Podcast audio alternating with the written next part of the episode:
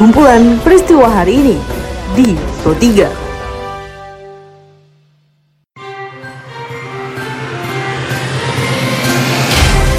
Halo pendengar, selamat berjumpa kembali di podcast Pro 3 RRI dengan kumpulan peristiwa yang terjadi pada hari ini.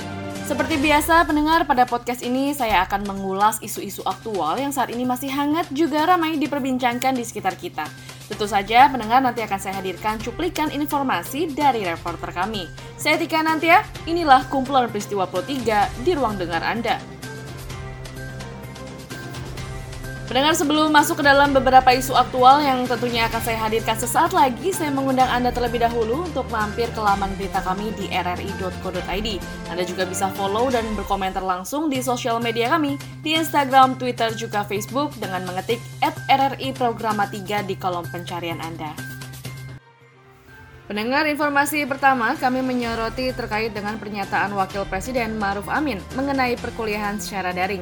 Diliput reporter ini Hairani, di mana Perkuliahan secara daring ini yang akan dikembangkan dan menjadi pilihan pendidikan tinggi di Indonesia mendapat kritikan atau tanggapan negatif dari Asosiasi Perguruan Tinggi Swasta Indonesia, APTISI, dan pemerhati pendidikan Budi Jatmiko. Undang-Undang Dasar 45 menyebutkan kewajiban penyelenggaraan pendidikan mencerdaskan kehidupan bangsa ada di tangan pemerintah ditangani oleh negara. Perguruan tinggi swasta di bawah kami ada 4.520 itu adalah membantu pemerintah. Kesalahan pertama pada pemerintah, COVID itu mempercepat. Saya di tahun 2007 sampai terakhir 20, 2019 di mana saya sering mengatakan, "Hayo perguruan tinggi siap bahwa nanti kampus berbasis tembok akan bergeser kepada kampus berbasis awan atau cloud." Tapi pemerintah lambat Sekali lagi kesalahan ada di pemerintah. Pemerintah lambat dalam membuat permen. Sampai detik ini Permen 51 2008 masih ada padahal di situ tidak diperbolehkan perguruan tinggi menyelenggarakan pendidikan jarak jauh tanpa izin. Nah, ini permasalahan yang paling salah dan Nadiem harus bertanggung jawab. Permen 51 2018 dihapus dulu. Di situ syarat untuk menyelenggarakan PJJ program studi harus akreditasinya A dan punya izin di Indonesia hanya 7 perguruan tinggi yang punya izin. Jadi menurut saya ini harus dilakukan itu dihapus dulu sehingga kami bisa melakukan. Mestinya menterinya baru, Nadiem ini orang yang tahu IT, mestinya perizinan lebih cepat.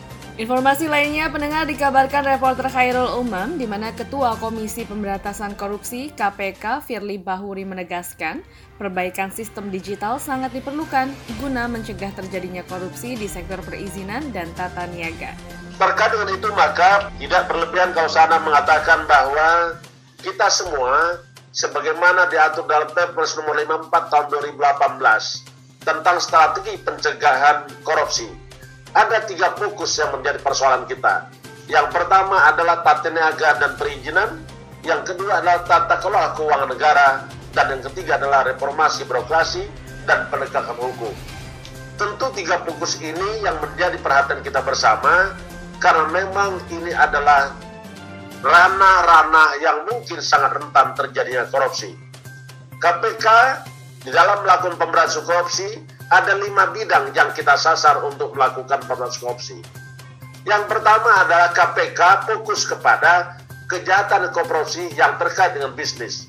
Sebagaimana tadi yang saya sampaikan, kalau kita bicara bisnis maka terkait juga dengan terkait dengan perizinan dan tata niaga.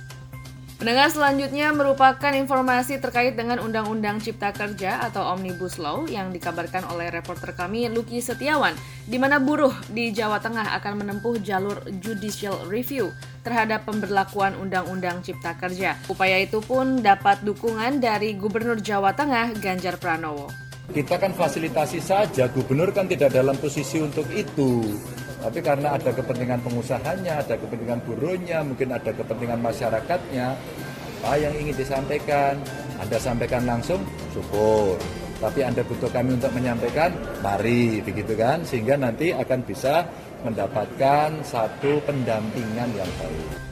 Kita beralih ke informasi luar negeri, pendengar di mana setelah dinyatakan sembuh dari COVID-19, Donald Trump langsung mengadakan kampanye besar-besaran tanpa menggunakan masker. Diliput reporter kami Borgias Jaman, berikut pernyataan dari Donald Trump. Saat ini saya sedang berjuang untuk memastikan kita memberantas virus, membangun kembali ekonomi, dan menyelamatkan negara kita dari kehancuran. Kita mencapai rekor, rekor pasar saham, rekor pekerjaan. Baiklah pendengar, informasi tadi mengakhiri perjumpaan kita pada podcast edisi hari ini.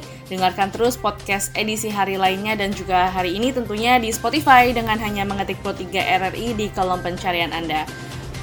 Pendengar tetaplah menjaga jarak, ikuti protokol kesehatan dengan baik, jagalah pola makan Anda agar imun Anda semakin kuat. Teruslah mengikuti berita terupdate di Pro 3 RRI. Saya Tika Nantia beserta dengan tim editor kami Karisma Rizky. Sampai jumpa. Jalanan ibu kota DKI Jakarta masih Kumpulan peristiwa hari ini di Pro 3.